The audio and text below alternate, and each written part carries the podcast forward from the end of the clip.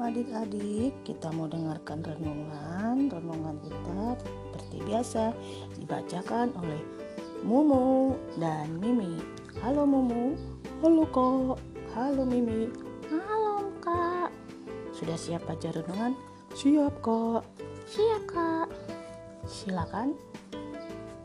Judul renungan kita hari ini adalah Potonglah. Ayat hari ini, kalau tanganmu atau kakimu membuat engkau berdosa, potonglah dan buanglah. Terambil dari Matius 18 ayat 8. Bacaan hari ini Matius 18 ayat 7 sampai 9. Natali menghambur dan memeluk ibu.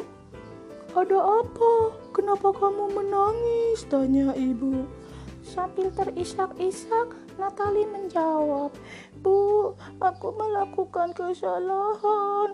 Aku mengambil pulpen temanku. Dan barusan aku membaca di Alkitab. Kalau Tuhan Yesus berkata, jika tanganku membuatku berdosa, aku harus memotongnya. Dan kalau mataku membuatku berdosa, aku harus menjungkilnya dan membuangnya. Sayang, apakah kamu menyesal telah mengambil pulpen temanmu? Tanya ibu. Iya bu, aku menyesal, jawab Natali.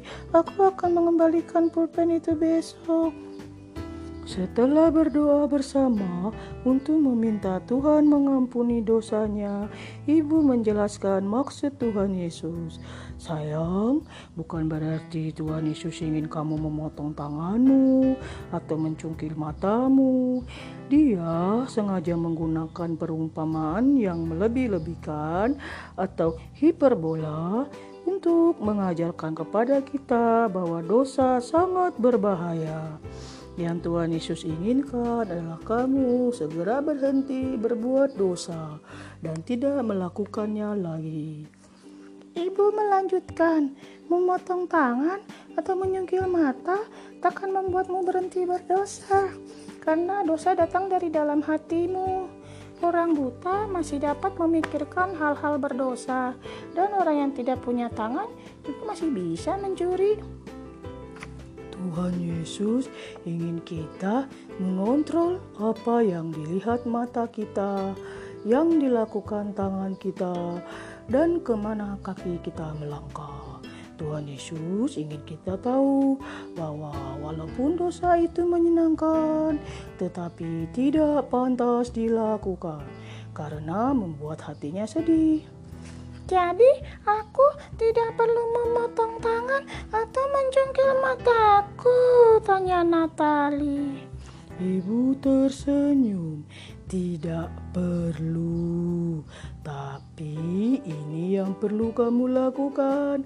Lain kali kalau kamu berbuat dosa, berhentilah dan berdoa. Minta Tuhan Yesus memberimu pengampunan dan pengendalian diri untuk menolak dosa. Dia pasti akan menolongmu. Nah, adik-adik, ceritanya bagus kan? Bisa dilihat juga loh di YouTube. Nah, ada bahan yang untuk adik-adik renungkan, lalu adik tulis di kertas. Renungkanlah dosa-dosa apa yang perlu adik-adik akui kepada Tuhan dan meminta pengampunan dari Tuhan. Apa yang dapat adik lakukan untuk menolak dosa? Pikirkanlah hal apa saja yang dapat adik lakukan dengan lebih baik sepanjang minggu ini. Jangan lupa ditulis di kertas ya adik-adik, lalu difoto dikirim ke WA. Eta. Mari kita berdoa. Tuhan, tolong aku mengingat betapa berbahayanya itu dosa. Tolong aku untuk menolak dosa. Dengan pertolonganmu, aku pasti dapat melakukannya. Dalam nama Tuhan Yesus, kami berdoa. Amin. Sampai ketemu adik-adik. Tuhan Yesus memberkati.